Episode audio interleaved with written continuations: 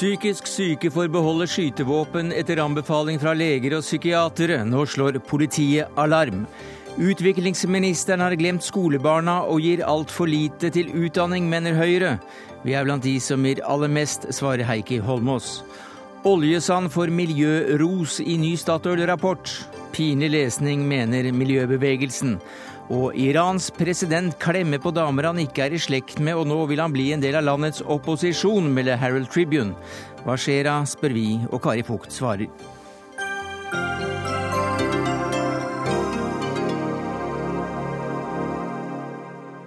Ja, Det er noen av sakene i Dagsnytt 18 denne torsdagen, der vi også vurderer framtiden for det spanske monarkiet etter korrupsjonsskandalene, og får inn korpssjefen som markerer at Fredskorpset er 50 år i dag. Men vi starter med våpen, for i et brev til Sivilombudsmannen slår Politidirektoratet alarm om faren ved at psykisk syke personer får beholde skytende våpnene sine. Politiet får slik det er nå ikke vite om potensielt farlige våpeneiere, fordi taushetsplikten praktiserer for strengt av helsepersonell, mener altså direktoratet. Og denne bekymringen stiller du deg bak, leder i Politiets Fellesforbund Arne Johansen. Hvordan vurderer du dette problemet? Jeg er veldig glad for at Politidirektoratet har tatt det opp. Det er òg en sak som vi har tatt opp for en del år siden. Og det er jo, som de skriver, en eh, stor eh, bekymring. Det er jo sånn at når du får våpenløyve, så er det jo etter en vurdering. Det er jo en type skikkelsesvurdering. Akkurat som når du skal ha et førerkort og det er ingen eh, menneskerett å ha våpen. Og det er klart at Når de vilkårene da er borte i en periode, så er det helt legitimt og naturlig at da må du levere tilbake våpenet. Dette kan dreie seg om eh, psykisk eh, syke, det kan dreie om eh, folk som har store rusproblem og andre ting. Da er du ikke skikka til å ha våpen. Og Det er jo da som er bakgrunnen for denne debatten. Og så er det jo sånn at Dette er et problem som var tatt opp mange ganger. Mm.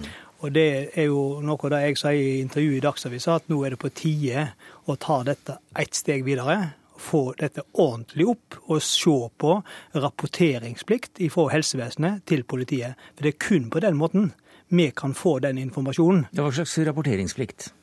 Nei, altså, jeg har ikke fasiten på det. Jeg har sagt at nå må dette utgreies, sånn at vi ser hva alternativ er det. Hvordan kan vi gjøre dette i praksis?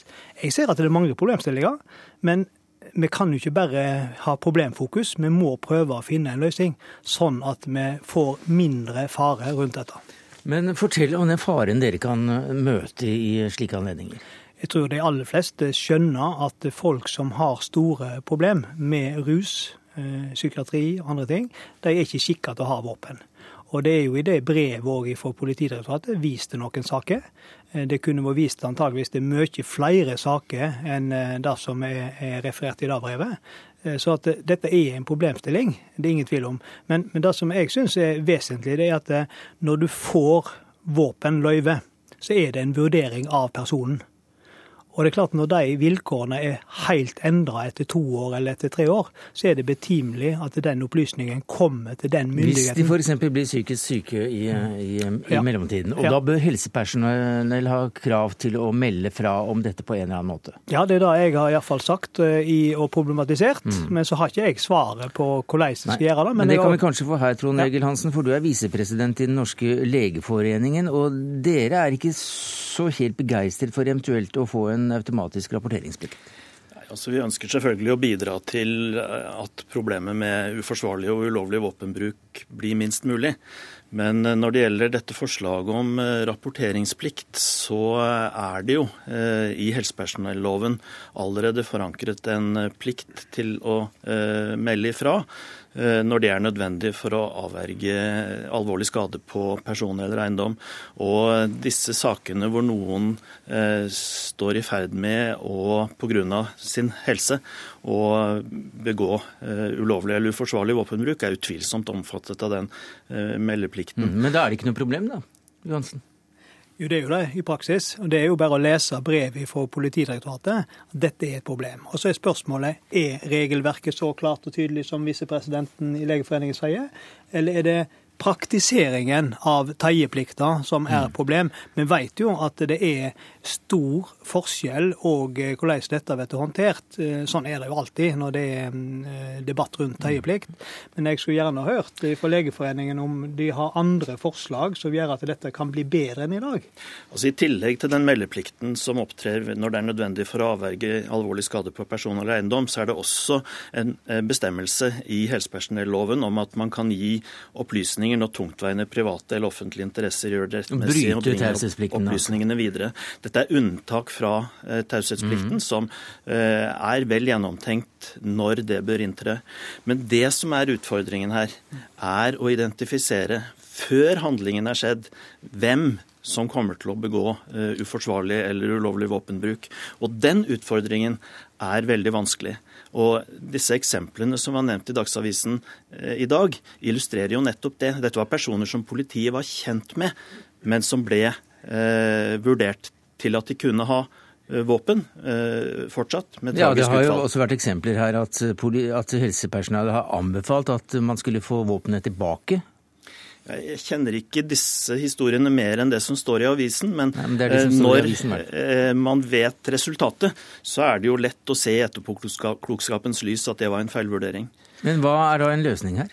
Nei, Det er krevende, fordi det er slett ikke sånn at eh, alle med psykisk lidelse er eh, farefulle på noe vis.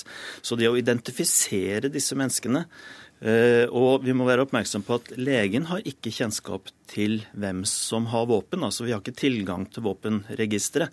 I noen lokalsamfunn så vet man jo hvem som er jegere og hvem som er medlem av pistolklubben og, og den slags. Men i mm. en bypraksis så vil man ikke ha kjennskap til hvem som er innehaver av våpen. Jansen. Nei, og Den problemstillingen ser jeg, og det er jo noe jeg mener en bør eh, se på i fellesskap. Men eh, sånn som jeg eh, hører deg, så, så syns jeg du kanskje undervurderer problemstillingen sånn som den er i praksis. Så jeg lurer da på om det er praktiseringen av regelverket som er problemet. Jeg vet ikke hva din vurdering av akkurat det er. Sånn som jeg oppfatter deg, så mener du at lovverket er klart nok. Det mener tydeligvis ikke Politidirektoratet, i alle fall. Men eh, jeg skulle gjerne hørt om det er praktiseringen, eh, om du har synspunkt på det? Nei, lovverket er godt nok. Eh, utfordringen er det å identifisere hvem som bør meldes ifra om. Og det er som sagt ikke alle som har den og den lidelsen. Noen kriterier kan settes opp, men de fleste handlinger skjer jo i mer akutte situasjoner. Akutt psykisk lidelse, akutt rus, akutte krisereaksjoner som ikke kan forutses på forhånd. Men jeg vil tro at eh, Legeforeningen heller ikke mener at det er forenlig å ha våpenløyve når du har en eh, stor psykisk eh, liding. Dette er jo bl.a. vurdert når du får våpen. Du ville jo ikke fått våpen hvis du har en stort problem, eller store rusproblem. Så det håper jeg mening om. Det kan settes opp noen kriterier for uh, lidelser som uh, ikke er forenlige med fortsatt våpeninnehavelse. Ja, hvilke da?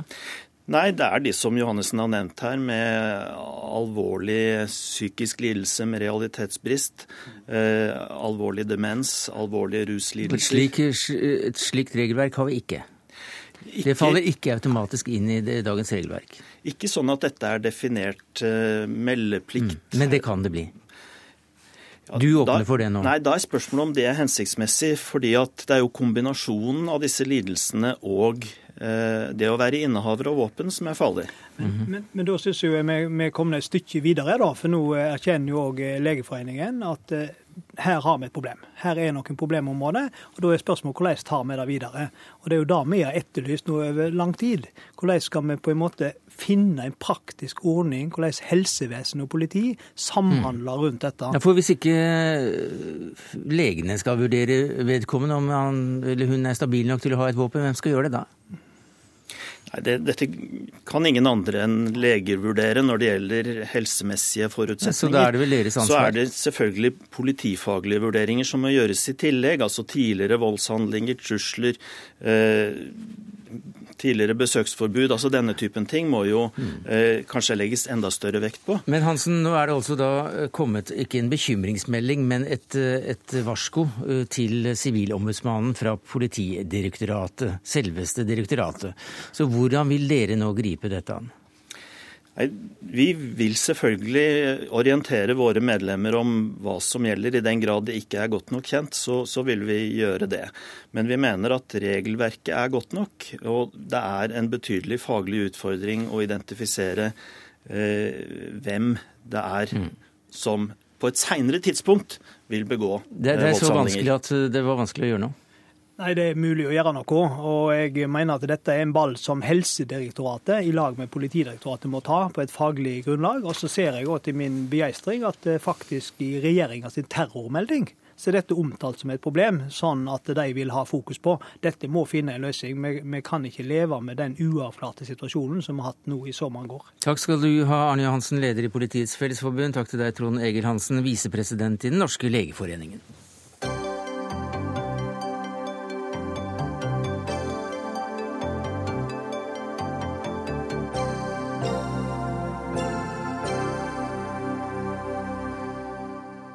61 millioner barn i verden får ikke den skolegangen de har rett på. Et av FNs tusenårsmål er nemlig at alle barn skal få grunnskoleutdanning, og det innen 2015. Men dere er bekymret nå, generalsekretær i Redd Barna Tove Romsås Wang. Hvorfor det? Jo, vi vet jo at eh, de som står utenfor skolen nå, de 61 millionene, er de mest marginaliserte og de barna som kanskje har størst utbytte av og trenger utdanning aller mest. Så ser vi at det var god framgang på dette feltet fram til 2008-2009. Så stagnerte det globalt.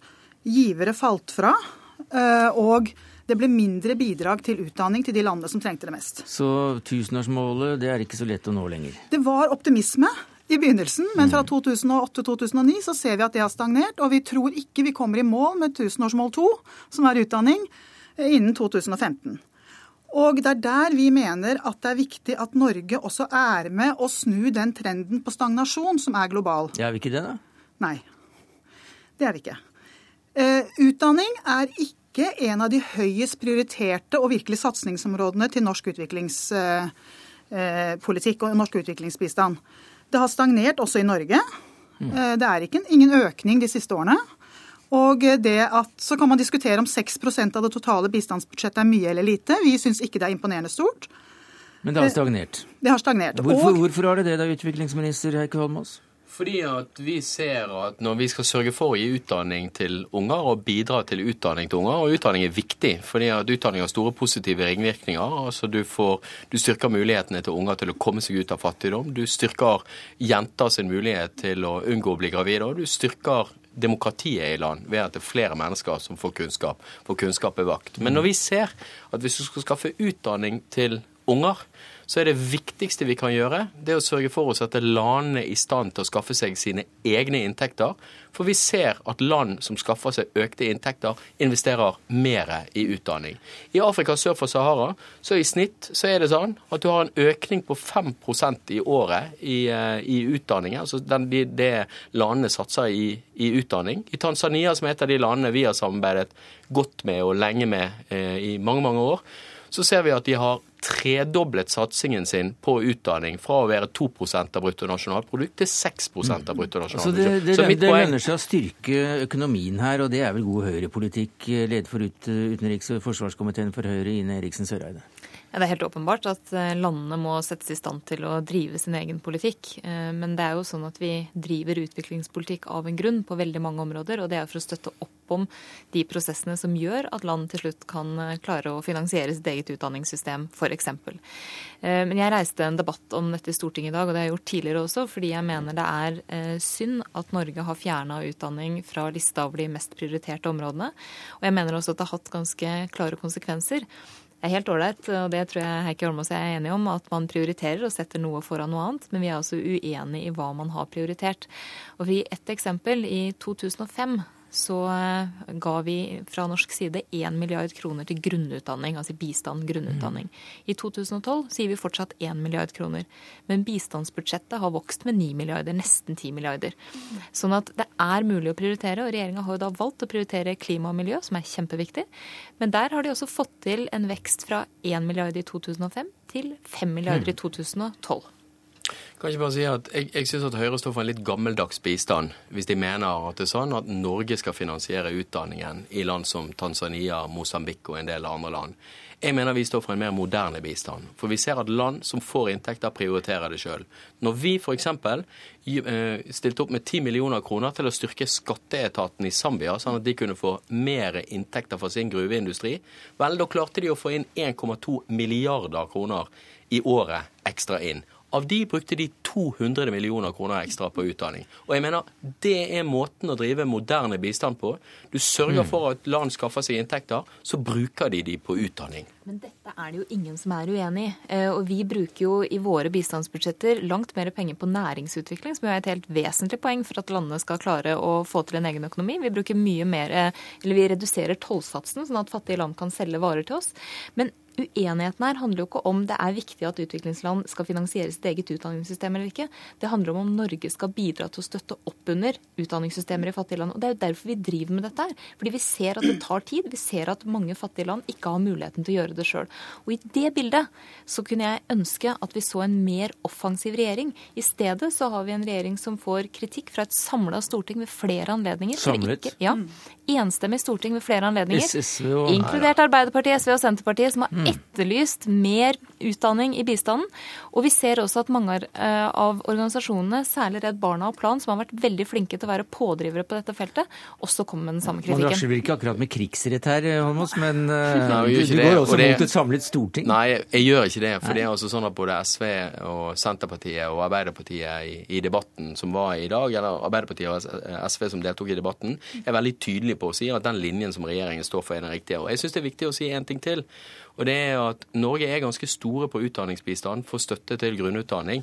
Norge er et lite land, men vi er altså den sjette største giveren til utdanning i verden. Og vi er den suverent største eh, giveren til det fondet som sørger for at jenter skal ha lik rett til eh, utdanning Aha. som det gutter har. Og det målet har vi faktisk nå. Totalt eller per Totalt i verden. Ja. Nei, i verden. Ja. Ja. Men kan jeg få si noe ja, til dette? Fordi at, fordi at, eh, om det er moderne eller gammeldags eh, er litt underordnet. Det som er poenget, er at det skal funke. Og eh, Jeg er helt enig i at det er statenes ansvar primært å gjøre dette. Men det kan ikke være sånn at når de øker sin andel, så skal vi straffe dem og trekke vår, eh, vår andel som skal hjelpe dem. Og Når man snakker om eh, bedre skatteinntak, så er jeg helt enig i det òg. Men det tar tid. Det tar faktisk, Dette har Det internasjonale pengefondet regnet ut. 10-12 år å komme på et nivå hvor skatten i de landene vi snakker om, kan støtte utdanningssystemene. Det er to generasjoner med grunnskolebarn. Er du villig til å ofre det? Nei, og derfor gjør vi jo begge deler. Sant? Vi ja, gjør jo begge deler. Vi har både bruker utdanningsbistand, og vi har andre. Og jeg vil si at det er én ting. For vi har et veldig sterkt fokus i vårt utdanningsbistand på de landene som ikke klarer eh, å ta vare på sin egen utdanning. For du har to typer land. sant? Ja. Du har to typer fattige land. Du har de som er fattige og som har gode ressurser og inntekter og muligheten til å skaffe seg. Og så har du de andre, sånn som Somalia, Nepal, Sør-Sudan. Altså land som kommer fra krig og konflikt, eller er i krig og konflikt. Der har vi satt inn ekstra innsats og større fokus, bl.a. i årets mm. budsjett, er, til sivilsamfunn som når ut. Det er et hederlig unntak på området med krig og konflikt, hvor du selv har, ministeren selv har gjort et, en innsats. Men det betyr ikke at eh, Norge har en tydelig politikk som bistår de fattigste landene og bidrar til at det totale utdanningsbudsjettet i disse landene sørge for at barna får utdanning nå. Altså Vi kan si vær tålmodig, så kanskje barnebarnet ditt får utdanning. Det er jo ikke det vi ønsker. Vi ønsker at de barna som ikke går på skolen i dag, får utdanning innen rimelig kort tid kan ikke si at I alle de landene der vi er inne og gir budsjettstøtte, f.eks.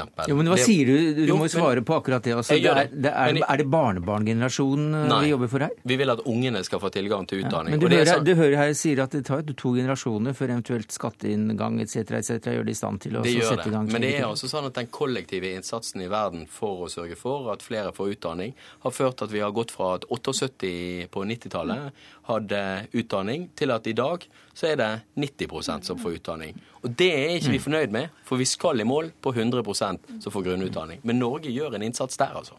Det er ingen tvil om at det å investere i utdanning og investere i barn og unge, det er kanskje en av de aller mest effektive tingene vi kan gjøre i utviklingspolitikken, sammen med helse. Mm. Eh, og både Heikki Holmås og Tove Wang var inne på noen av fordelene med å investere i utdanning, eh, og kanskje spesielt for jenter, ved det at du reduserer barne- og mødredødelighet, man giftes bort seinere, eh, man får et mye bedre fundament for demokratiet, og det er viktig.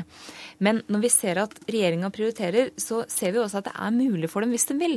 Mm. Altså det å klare å øke de rene pengene som går til klima og miljø, fra 1 milliard i 2005 til 5 milliarder i 2012, viser jo at det er mulig hvis du bare vil.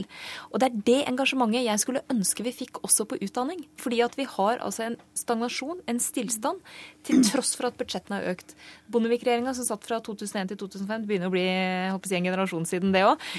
Men Målet der var å doble utdanningsbistanden, mm. og det lyktes vi med. Men prioritere, Søreide, da må jo noe prioriteres ned i forhold til utdanning. Og skal da regnskogen dø for at folk skal få utdanning? Nei, regnskogen skal ikke dø. På ingen måte. Nei, men etter annet sted må også du ta pengene fra. Jo, men realiteten er jo at vi har store ubrukte midler i regnskogsatsingen som står på konto ennå, som ikke har prosjekter. Så der kan man hente en del og putte inn i utdanningsformål? Vi ønsker å redusere noe der, og putte mer inn ja. på utdanningsformål. Sannheten er jo at Høyre kutter jo 1,4 milliarder kroner i, i det samlede samlede budsjettet, altså bistandsbudsjettet? Jo, 1,4 milliarder kroner. Og eh, eh, Fremskrittspartiet kutter 7 milliarder, altså den foretrukne regjeringspartneren. Og jeg syns det er interessant å se på Ine Marie Eriksen Søreide sine prioriteringer, også innenfor utdanning. Fordi at eh, Der vi mener at det er viktig å støtte marginaliserte grupper, vi har bl.a. samarbeidet med Redd Barna om å utvikle støtte til eh, ungdom og kasteløse som vokser opp i Nepal, så sier Ine Marie Eriksen Søreide at eh, det er kun barn som bor i Afrika som skal nyte godt av Høyre sin utdanningsstøtte, og kutter i utdanning til barn i Nepal. Mm. Kutter i den utdanningen som bl.a. går til mayabarn i Latin-Amerika, som er blant de mest marginaliserte av andre. Men dette er jo altså ikke riktig. I vårt alternative budsjett så har vi økt satsingen på sivilsamfunn, utdanning, særlig utdanning for jenter, menneskerettigheter, næringsutvikling. Og vi har altså et budsjett for 2013 som ligger 900 millioner kroner over det budsjettet dere presenterte for 2012. Men det er en, egentlig en helt uinteressant diskusjon. Det som er den interessante diskusjonen, det er hva Norge kan gjøre for å øke oppmerksomheten om utdanning til verdens fattige. Vi har en stor utfordring etter 2015 med å nå de mest marginaliserte gruppene. Barn som er i krig- og konfliktområder, og som ikke nødvendigvis går på skole for å lære å lese og skrive, men for å ha en normalitet i hverdagen. For å ha rammer rundt livet sitt. Der må vi gjøre en innsats. Vi må gjøre en innsats for å nå funksjonshemmede barn.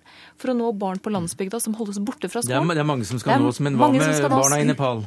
Jo, altså Barna i Nepal får også utdanning med Høyres budsjetter, det er det ingen tvil om. Men du har jo kuttet i utdanningsstøtten til Nepal, Nei, Marie Eriksen, og dere har kuttet i hele Latin-Amerika. Det er ikke hele dere, dere har kuttet i hele Latin-Amerika. Vi har ikke kutta i støtten til barn som går på skole i Nepal, og dette er uansett en ganske uinteressant diskusjon. Jo, nei, bruker, det, det, kan du si, men for oss andre altså, så vi følger godt med. Vi bruker 30 milliarder kroner på bistand i Norge nå i 2013. Mm. Eh, og for oss så har det vært viktig å si at vi prioriterer opp utdanning, godt styresett, menneskerettigheter, mm. næringsutvikling. Og det har vi også gjort. Redd Barna sitter jo her midt imellom eh, dere to som nå snakker om eh, det er til Nepal eller Afrika pengene styres. Men hva slags forhåpninger har du da til, eh, til den meldingen som legges fram av Heike Holmås i morgen, nettopp om utviklingspolitikken?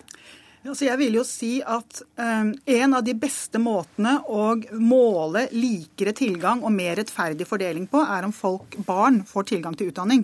Så dette henger veldig tett sammen med den meldingen som skal uh, legges fram i morgen. Og jeg heier på den meldingen. Men jeg må bare si en ting. og det ja, Et øyeblikk, bare høre, Kommer det nye tall som, som, viser at dere favoriserer eh, utdanning i høyere grad i, i meldingen i morgen? Ja, Vi legger rettighetsperspektivet til grunn i all vår, i all vår politikk. Det begeistret Redd Barna, altså? jeg. Jo, rettigheter er bra, men det, det som er, vi er opptatt av, hva skjer på bakken der barna bor. Mm. Og det vi er opptatt av å følge tett med på, er om de faktisk flere barn kommer inn i skolen, og flere barn får tilgang til grunnleggende helse. Det er det som er viktig. Eh, og det er deres rettigheter, så det er viktig i seg selv. Men det er den praktiske implikasjonen på bakken som vi er opptatt av. Og det er heller ikke sånn at alt trenger å koste veldig mye penger, som Eriksen Søreide er inne på. Så det at Norge tar en litt mer ledende rolle internasjonalt og løfter utdanningsagendaen, både i dag og inn i de nye tusenårsmålene, trenger ikke å koste all verden. Jeg lurer på hvem er det i Utenriksdepartementet, Norad eller på ambassadene som våkner hver morgen og tenker hvordan skal jeg i dag sørge for at flere barn kommer på skolen? Er det noen som gjør det? Ja, nei, hver morgen? Ja, jeg kjenner de. Jeg kjenner de, Og de jobber blodhardt for, å, for, for utdanning. Og jeg vil bare si det at i all den dialogen vi har med de landene der vi er inne og samarbeider, der vi gir budsjettstøtte, så er vi inne og sier barns rettigheter må oppfylles. Unger skal få utdanning. Så får vi se da om eh, vi nærmer oss eh, målet i eh, tusenårsmålet i 2015. Vi får kanskje det, det kommer til å være De mest marginaliserte barna kommer fortsatt til å stå bakerst i køen, med mindre vi virkelig gjør et skikkelig løft de siste to årene. Takk skal du ha, Ine Eriksen Søreide, leder i utenriks- og forsvarskomiteen, Tove Romsås Wang, generalsekretær i Redd Barna, og Heikki Holmås, utviklingsminister.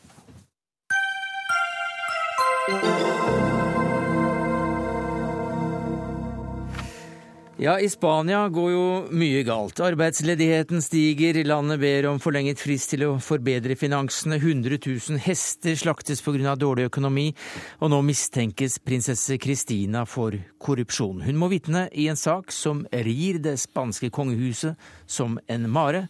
José Maria Iscuerdo, eh, du er førstebibliotekar ved Universitetet i Oslo, spansk statsborger. Du følger dette tett. Hva dreier denne saken seg egentlig om? Ja, det dreier seg om korrupsjon. Økonomisk og politisk korrupsjon. Det som er ganske spesielt, er at det er en medlem av kongefamilien som er involvert. Ikke Kristina foreløpig, for hun er blitt anklaget, men nå er i prosessen, for det må det være statsadvokaten som definerer anklagelse. Hva slags korrupsjon er det snakk om? Det er først og fremst politisk. Det vil si det er eh, bedrageri. Det er eh, det folkelige partiet, eller eh, Partiet Populært, den høyre sida i politikken i Spania, den høyre høyre, som uh, ga noen penger til en, en organisasjon. En, så egentlig det er en firma som ble drevet og, og av Iñaki Urdangarin, som var mannen til Kristina. Det var først og fremst for å bygge noen eh, spesielle sportarena i Palma de Mallorca, i Mallorca, og så andre ting. Og det ble involvert både Partiet Popular i Valencia og Partiet Popular i Baleares, i Mallorca-området. Det vil si at det er, det er, litt trist å fokusere hele tida om Kristina og den kongefamilien, for de, de, som er involvert, er noen som har en lang tradisjon når det gjelder korrupsjonssaker, politiske korrupsjonssaker i Spania, som er mm. Partiet Popular, som regjerer i Spania. Men det skal vi komme tilbake til. Men la oss, for, la oss allikevel eh, holde fast ved de kongelige. For, ja. for kongehuset i Spania har jo blitt mindre populært, har vi fått med oss. Det har vært noen eh, utroskapshistorier og, og, litt av hvert.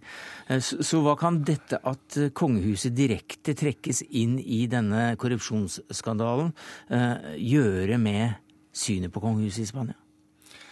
Det konge, Kongefamilien har veldig få alternativer akkurat nå, fordi de har mistet noe som er veldig viktig for monarkiet i Spania. Monarkiet i Spania ble legimitert da Juan Carlos stoppa den eh, statskupp i 1982. Mm.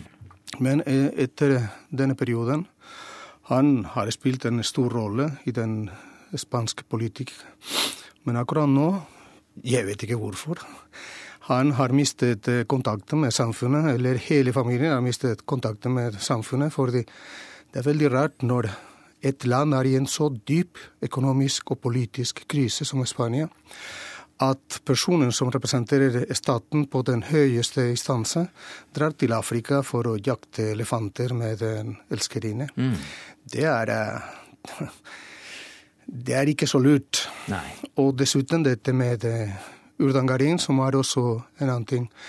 Jeg tror at kongefamilie de, de, må forandre ganske mange ting. F.eks. kanskje konge måtte abdisere. Ja, for det er det krav om bl.a. fra sosialistpartiet i Catalonia at eh, kongen må, må gå av og så innsette ja. etterfølgeren. Det er ikke bare det sosialdemokratiet i Nei. Catalonia som, som, sier det, men ja, det er en tendens for å, å stoppe hele prosessen. Mm. Men er hele kongehuset, monarkiet, i fare?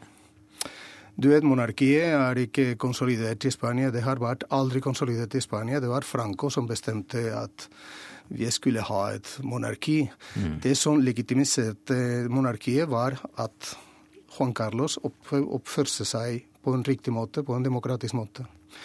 Men hvis, dette, hvis det er så mange anklagelser og så eh, problemer når det gjelder eh, luksusliv eller eh, økonomiske problemer, politiske problemer, da mister monarkiet legitimitet, og kanskje det er lurt å tenke litt om republikken, f.eks. Så sent som i februar så, så, krevde opposisjonen at statsministeren skulle gå. Og en, et medlem av det partiet, ansatt der, har tatt med seg eh, en del hundre, var det litt over 100 millioner kroner og, og reist et annet sted. Og, og, hva slags korrupsjonssaker er det nå som rir, rir Spania? Du nevnte at det er jo andre folk som er mye verre enn eventuelt eh, prinsessen, hennes mann og hans eh, kompanjonger.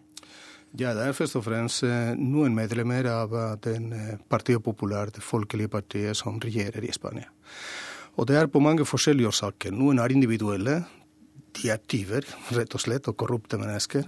Men det er også pga. denne partiets eh, lover, dvs. Si det som eh, regulerer finansiering av politisk virksomhet i Spania, som er helt forferdelig som det må, det må reformeres, det må forandres. Og det er også at i Spania det er en valgstruktur eh, som eh, fungerer ikke. Det, vil si det, er, det har blitt en topartistaten. Eh, det er Høyre og Sosialdemokratiet. Og begge to spiller sammen veldig godt. Det vil si det er noen reformer som de vil ikke eh, innlegge. Jeg ser her at, eh, for å komme tilbake og avslutte med kongehuset igjen, da, at denne dommeren som trekker Kristina inn som mistenkt i denne, denne, saken, José Castro, han bruker begrepet eller uttrykket 'loven er den samme for alle'. Og det var kanskje ikke uten grunn han brukte akkurat de ordene? Nettopp, det er det som er Det gir litt håp, eller at systemet, eller demokratiet, er noe som fungerer i Spania.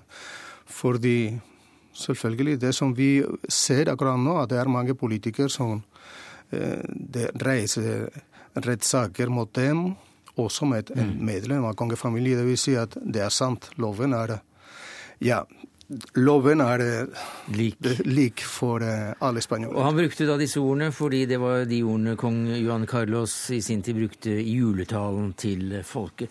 Takk skal du ha, José Maria Iscuardo, første bibliotekar ved Universitetet i Oslo.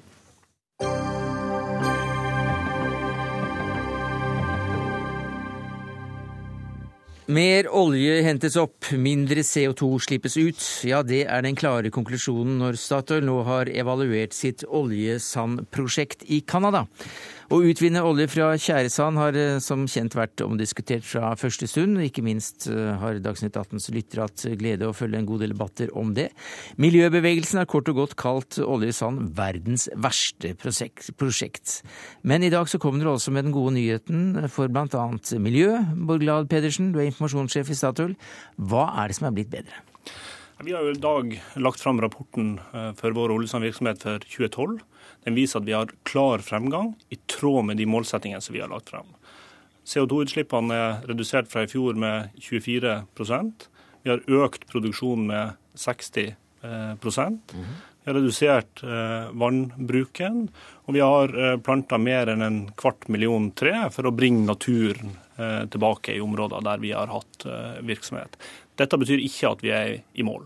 Vi er stolt av de resultatene vi har fått til. Vi er kommet langt, men vi har satt veldig ambisiøse målsettinger, og vi jobber videre for å nå de ambisjonene. Dette er en gledens dag, Nina Jensen, generalsekretær i Naturvernorganisasjonen WWF. Nei, det er det jo langt ifra. Og det hjelper på en måte ikke hvor flott innpakningspapir man setter på en rapport. Innholdet blir eh, ikke noe grønnere likevel. 24% mindre utslipp. Det spiller på en måte ikke så mye rolle. Det er flott at utslippene går ned, og det stemmer. Men realiteten er jo at utgangspunktet er så utrolig dårlig. Dette er oljeproduksjon fra tjære. Og for å lage denne oljen så krever det altså tolv ganger mer utslipp enn det vanlig nordsjøolje eh, vil gi. Så da uansett om dette er redusert med 20% så er det da redusert fra 13 ganger mer utslipp enn nordsjøolje til 12 ganger. Nei, det, det, det, er ikke riktig. Eh, du mer enn dobler det som er reelt. Men det er riktig at vi i Norge produserer olje med blant de laveste utslippene jo, men i altså, verden. Er det riktig vi, at det er ca. 13 ganger verre, og nå er det blitt 12? Nei, i Norge så er utslippene per fat ved produksjon i underkant av 10 men altså, 24, 24% høres jo fantastisk mye ut, men ikke når Nina Jensen setter i sammenheng? Nei, men det er altså fremgangen fra uh, 2011. Som er helt marginal i forhold til at det var så enorme tall i utgangspunktet? Nei, altså vi har fått til en fremgang så langt på, fra i fjor på, på 24 Det er bra, mm. men det er ikke tilstrekkelig. Og Våre mål er jo mer ambisiøse enn det, og det jobber vi videre for. For å sette det i sammenheng med, med norsk sokkel. Altså Norsk sokkel har blant den reneste oljeproduksjonen i verden. Utslippene er i underkant av eh, 10 kilo per fat. Her er utslippene fra produksjon 55 kilo nå. Så eh, er vi på vei for å nå de ambisjonene vi har satt for eh, renere produksjon, for å få ned utslippene. Og når vi når de ambisjonene, som vi mm. viser at vi er i stand til å nå gjennom den fremgangen vi gjør, så vil utslippene fra oljesand være på nivå med mm. snittet for den olja som forbrukes i Nord-Amerika. Det er positivt. Bård Glad Pedersen eh, bekrefter jo her at de bruker i over 55 eh, kilo CO2 per fat tjære som de produserer. Da. Men for å gjøre denne tjæren til brukende olje, eh, så må man i tillegg slippe ut nye 40 kg CO2 per fat. Det betyr at totalsummen blir godt over 90, og når man da vet at summen på norsk sokkel er et sted rundt 8, så er dette ganske dramatiske tall. Disse tallene var vanskelig å få øye på i rapporten din? Nei, altså Vi legger frem en uh, rapport med veldig detaljert oversikt over hva vi slipper ut fra produksjonen. Og så er det jo riktig at alle utslipp er jo ikke tilknyttet til produksjon. Det aller viktigste leddet er jo faktisk forbruk. Og Der er jo utslippene helt like uansett hvor du har produsert kilder. Og 85 mm. av utslippene er når uh, vi kommer i bil eller taxi hit til, til Dagsnytt Men alle disse, alle disse trærne, da, det er vel fint? Det plantes eh, hvor mange? 200 000? Det som jeg tenker er viktig her, altså de, uansett om man planter et tre eller ikke, så ødelegger Denne produksjonen som Statoil har eh, i Alberta, raserer et område på størrelse med Jotunheimen nasjonalpark. Det forgifter eh, leveområder for dyr og mennesker, og det bidrar til klimaendringer. Dette er en type virksomhet som aldri kommer til å bli bærekraftig, selv om man planter flere titusener Så det sukrer ikke eh, pillen for deg? Nei, det sukrer ikke pillen. Men jeg syns jo det er fint at de prøver, eh, i hvert fall. Men det absolutt viktigste Statoil kan gjøre i dette her, er jo faktisk å trekke seg ut. For det som er ille med denne satsingen, er jo at Statoil er anerkjent globalt som et uh, svært ansvarlig, uh, miljøvennlig oljeselskap. Og de bidrar da altså til å legitimere uh, tjæresandsatsingen ved at de mm. er til stede der. Det burde de ikke gjøre. Jeg tror Det som egentlig er kjernen i uenigheten, er ikke om vi har god fremdrift i å nå våre målsettinger, og om vi har lykkes med å få ned utslippene. Det, det er et ubestridelig eh, faktum. Men eh, spørsmålet er jo er dette ressurser som eh, verden trenger, og kan de utvikles på en ansvarlig måte. Vårt svar på det er ja. Og det svaret kommer jo ikke fra oss. Det kommer fra de som vurderer hvilket energibehov kommer verden til å ha i tiårene mm. fremover. Og fordi at verdens befolkning øker, og fordi at stadig flere finner veien ut av fattigdom, så trenger verden mer energi. Ja, og Det er det store bildet. Men Bård Glad Pedersen, eh, du snakker om de ambisiøse målene dere har satt dere. Hva, hvilket tidsperspektiv er det dere har for at utvinningen av oljesand skal være på linje med Nordsjø og få Nordsjøoljen opp? Nei, I 2025 så har vi sagt at uh, utslippene skal være på nivå med gjennomsnittet for den mm. olja som forbrukes i Nord-Amerika. Det vil fortsatt være høyere enn norsk sokkel, og det er fordi vi har den reneste oljeproduksjonen i verden praktisk talt, blant det, i hvert mm. fall, i Norge. Hva syns du om disse ambisjonene? Nei, det er jo altfor dårlig. Eh, og vi vet at to tredjedeler av de gjenværende fossile ressursene må bli liggende bakken. Det sier selv Det internasjonale energibyrået, som tidligere har vært Statoil og de andre oljeselskapenes bibel. På et eller annet tidspunkt så må også norske oljeselskaper ta inn over seg hva dette betyr. Det betyr at enkelte deler av den gjenværende oljen som finnes rundt om i verden, må bli liggende i bakken. Og hva er da mer naturlig enn å starte med den absolutt verste oljen, sånn som tjæresand? Fordi det raserer natur, det bidrar i mye større grad til klimautslipp, 13 ganger mer enn vanlig olje, og det er farlig for mennesker og for dyr som lever i disse områdene. Nei, og Et viktig poeng er at når hun sier at to tredjedeler av fossile ressurser må bli liggende i bakken, så inkluderer hun kull, som har de klart høyeste utslippene, og to tredjedeler av de fossile gjenværende ressursene er kull. Er men hvilke, intent, hvilke, ambisjoner har Statoil over å ta dette målet inn over seg? Altså, Vil dette også få implikasjoner for dere? Kommer dere til å la enkelte oljeressurser ligge? Ja, vi, vi, har jo veldig tydelig budskap om dette. For det første så er vi eh, for en høy pris på utslipp av CO2. fordi at det bidrar til at det er de rette ressursene som utvinnes, og til å stimulere teknologiutvikling for å få ned utslippene. Så har vi da Eh, lagt fram en veldig klar plan, og vi viser i dag at vi har god fremdrift til å lykkes for å få ned utslippene. Og jeg har lyst til å si en ting. Det er at Når vi lykkes med å få ned utslippene, så skyldes det at vi bruker mindre energi for å produsere olje. Det bidrar til at utslippene reduseres. Det er bra for miljøet, men det bidrar også til å redusere kostnadene og bedre lønnsomheten. Så de som kommer til å lykkes innenfor oljesand, er de som eh, økonomisk er også de som vil lykkes fra et uh, miljøperspektiv. Mm. Jensen hadde et hvert fall retorisk poeng her som uh, vi gleder oss til å høre svaret på, nemlig hvilken olje er det dere kan tenke dere å la ligge? Det må jo avgjøres ut fra hva som kan utvinnes på en forsvarlig måte når du legger en pris på CO2. Og vi legger jo inn i Men våre driver, kostnads... Nå driver du med utvinning som er 13 ganger eh, så forurensende som, som norsk sokkel. Nei. Er det der det skal ligge i fremtiden også, en vurdering av uh, hva slags olje som kan utvinnes? Nei, vi, vi, legger til grunn at det vil komme uh, høyere pris på CO2. Og Alberta i Canada er jo faktisk en av de få områdene i verden der det faktisk er en pris på CO2 allerede. Uh, I våre kalkyler, fordi at vi forventer at dette kommer, og vi er for at det kommer. Men utgangspunktet er at verden trenger mer energi. og, hvis, og hvor skal den komme fra? Canada har verdens tredje største oljeressurser. Venezuela og Saudi-Arabia har mer. Iran og Irak mm. kommer på de neste plassene. Og Disse ressursene må komme fra et sted der det er tilgjengelig. og Da mener vi at det er bra at vi tar ansvar for å utvikle disse ressursene på en ansvarlig måte, ansvarlig med stadig lavere utslipp. Mm. Dette er eh, fullstendig ansvarsfraskrivelse. Hvis man var opptatt av verdens fattige og de som trenger energi, så ville man produsert den der de bor, på en måte som gjør at de også får en klimatrygg framtid. Statoil vet like fullt som meg at verdens framtid ligger i fornybar energi. Vi har vist at innen 2050 så kan hele verdens befolkning være forsynt av fornybar, ren energi.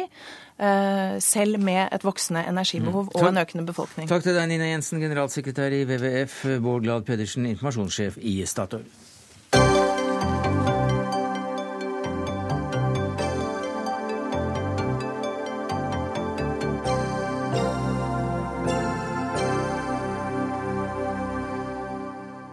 Gratulerer med dagen, Nita Kapoor. Hjertelig takk. 50 år.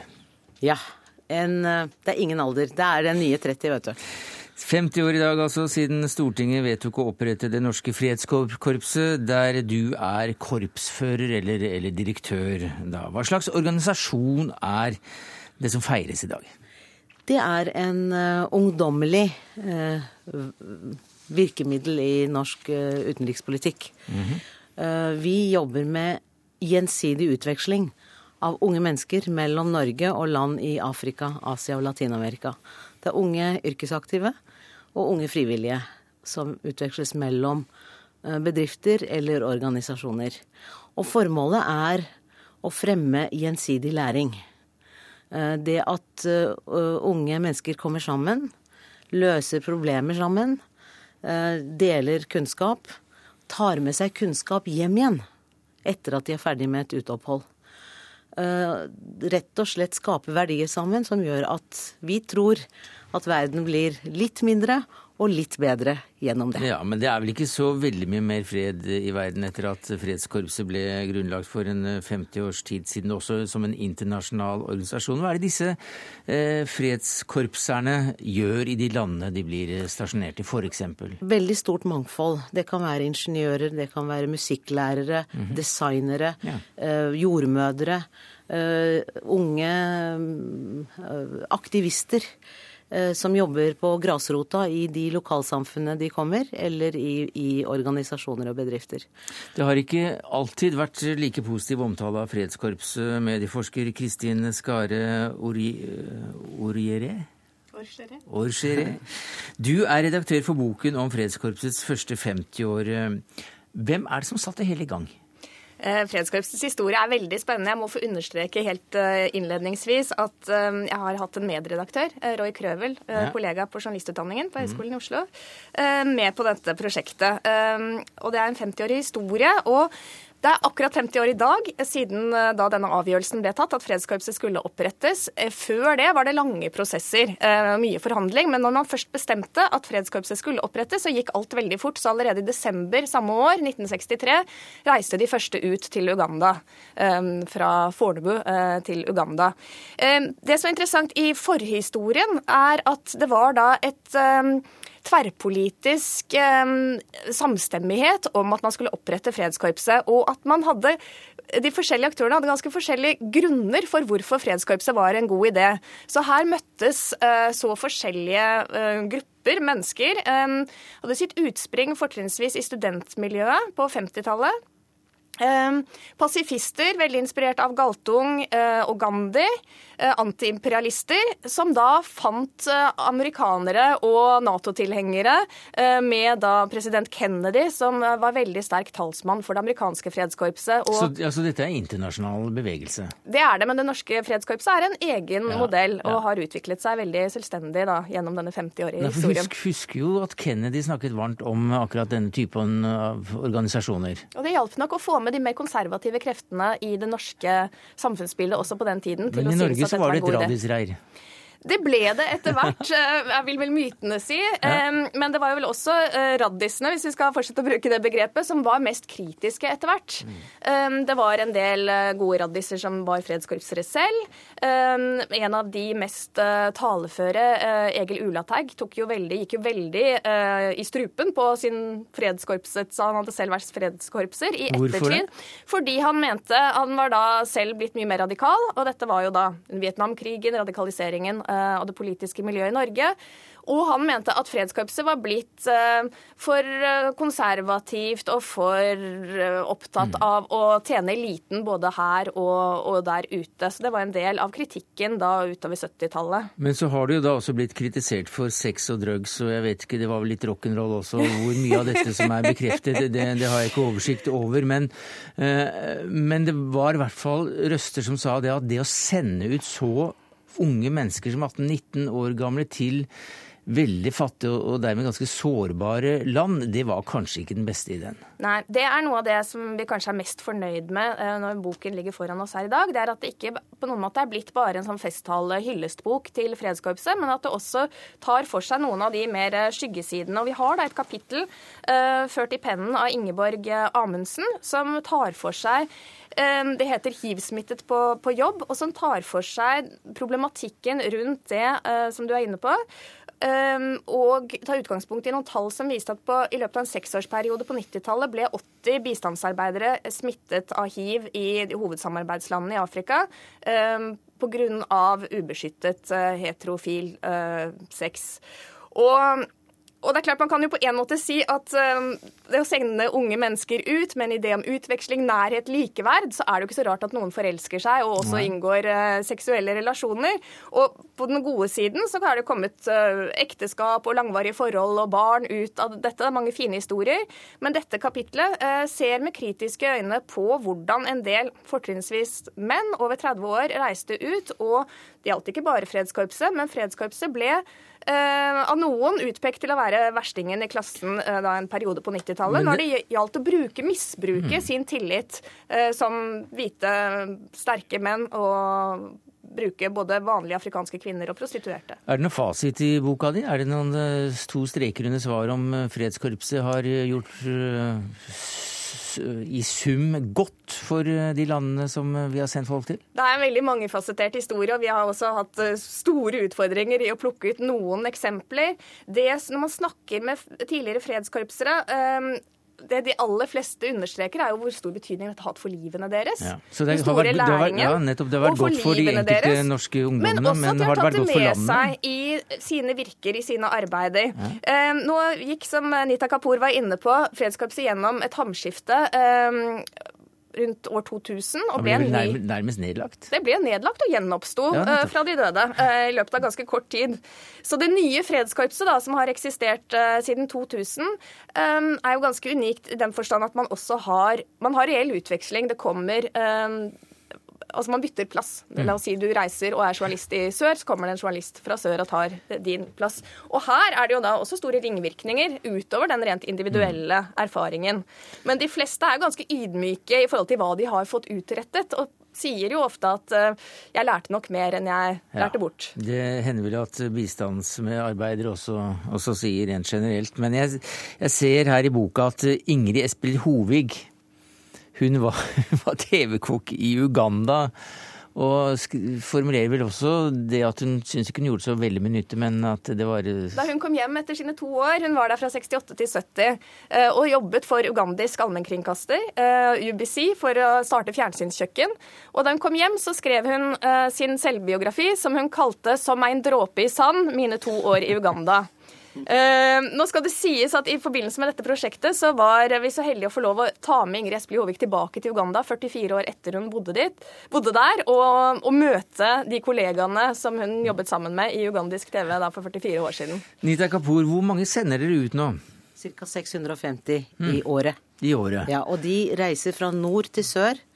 Fra sør til nord og fra sør til sør. Mm. Det er også noe av det unike, unike, med den norske modellen. Det norske frihetskorpset sender folk fra sør, fra til, sør. til sør. Ja. Og det er eh, det mange mener er mest, blant de mest, de mest kostnadseffektive, men også virkningsfulle delene av uh, vår virksomhet.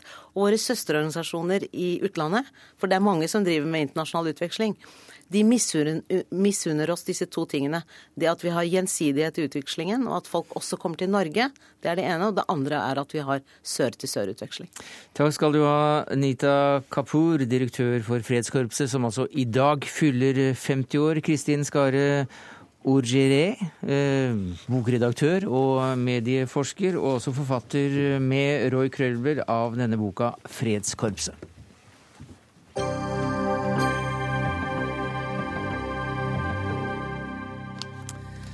I dag fikk nok eh, mange av Herald Tribunes lesere eh, seg en overraskelse, for der står det faktisk på første siden at Irans president Mahmoud eh, Ahmadinejad gjør seg klar til å bli med i opposisjonen i landet. Han har endret språkbruken, snakker mer om folk og nasjon og mindre om umma, eller troenes fellesskap.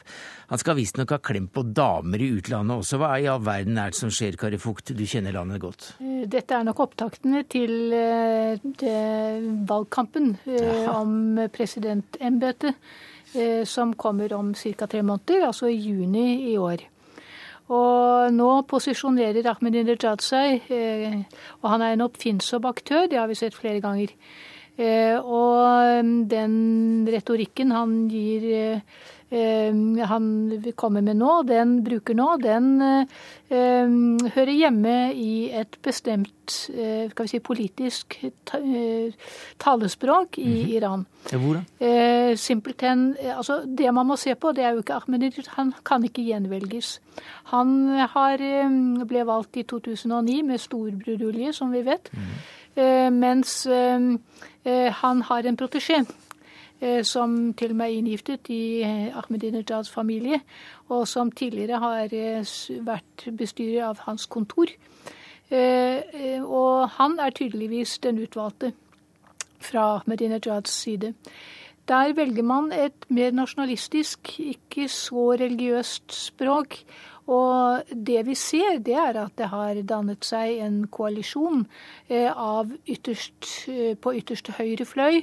Og eh, Ahmedinejad og hans kumpaner, for det er jo et miljø det dreier seg om, ikke bare om personer, står på en skal vi si, en nasjonalistisk og eh, forsvarslinje som, heller, som heller ikke unnlater å bruke det religiøse språket. Men, men, som ikke er tradisjonalister i samme forstand som da den ytterste høyrefløyen? Ja, ganske riktig. Men, men, her er det altså da snakk om Det er jo på mange virker nok dette litt pussig. At det skal være en slags eh, en forkjemper for sivile rettigheter, som han nå gjør seg til talsmann for. Han snakker for samtale med USA. Eh, han skal også til stadighet ha brukt slagordet 'lenge leve våren'. Eh, og hallo, hva er våren i, i Midtøsten? Den arabiske våren. Mm. så, så, han tar nå også da avstand fra disse tradisjonalistene, som vel mange i hvert fall her i Norge har trodd han var en del av? Eh, det er han på sett og vis også. Eh, det skal mer til enn et endret ordvalg før eh, man antar at Ahmedinejad har skiftet side. Han representerer en opposisjon innenfor rammen av makteliten. Mm. Der er det jo ulike interesser. Og kampen om makt og posisjoner, den er ikke blitt mindre i den litt lukkede rom som iransk politikk utspiller seg nå. Men hva er da den politiske forskjellen mellom hans gruppe og hans eh, nå etterfølger og inngiftede venn, eh, og disse tradisjonalistene? Eh, tradisjonalistene representerer nok landets leder i høyere grad. Og det er, og, og, det er ikke det er, kan, presidenten? Det er ikke presidenten, selvfølgelig. Det er den øverste leder. Eh, og eh, selv der er det ulike interesser. Eh, Ahmedinejad har hatt en økonomisk politikk som har vært ytterst mislykket, får man vel si. Og for så vidt godt hjulpet av vestlig sanksjonspolitikk, må vi vel anta også. Der er det også noen som betaler prisen for det, nemlig det iranske folket. Men eh, nå som det nærmer seg valg, det er bare tre måneder til. Presidenten kan altså ikke gjenvelges. Hva slags eh, dragkamp er det vi nå blir vitne til? Eh, den dragkampen det nå dreier seg om, det er jo hvem er det som klarer å overbevise en stadig mindre interessert valg, et mindre, stadig mindre interessert valgpublikum. Det er folk dette er eh, myntet på. Altså den, dette med rettighetstalen og det at man skal nå eh, vokte over rettigheter og økonomi til folk flest, det hører med i en si, valgtale som Ahmedinejad forsøker å gjennomføre. Men vil det bli et enda mer lukket, strengt land med tradisjonalistene ved roret? Eh, det er vanskelig å si, men sannsynligvis, sannsynligvis så vil det bli eh, en ytterligere innstramning. Eh, det er ingen reell opposisjon politisk sett som virkelig kan ta til orde for endringer. Og som sagt, dette er et, noe som skjer på, på maktelitens nivå og på deres premisser. Så overskriften i Herald Tribune, altså at, at presidenten uh, gjør seg klar for å så å si bli en del av opposisjonen? Det er ytterst usannsynlig.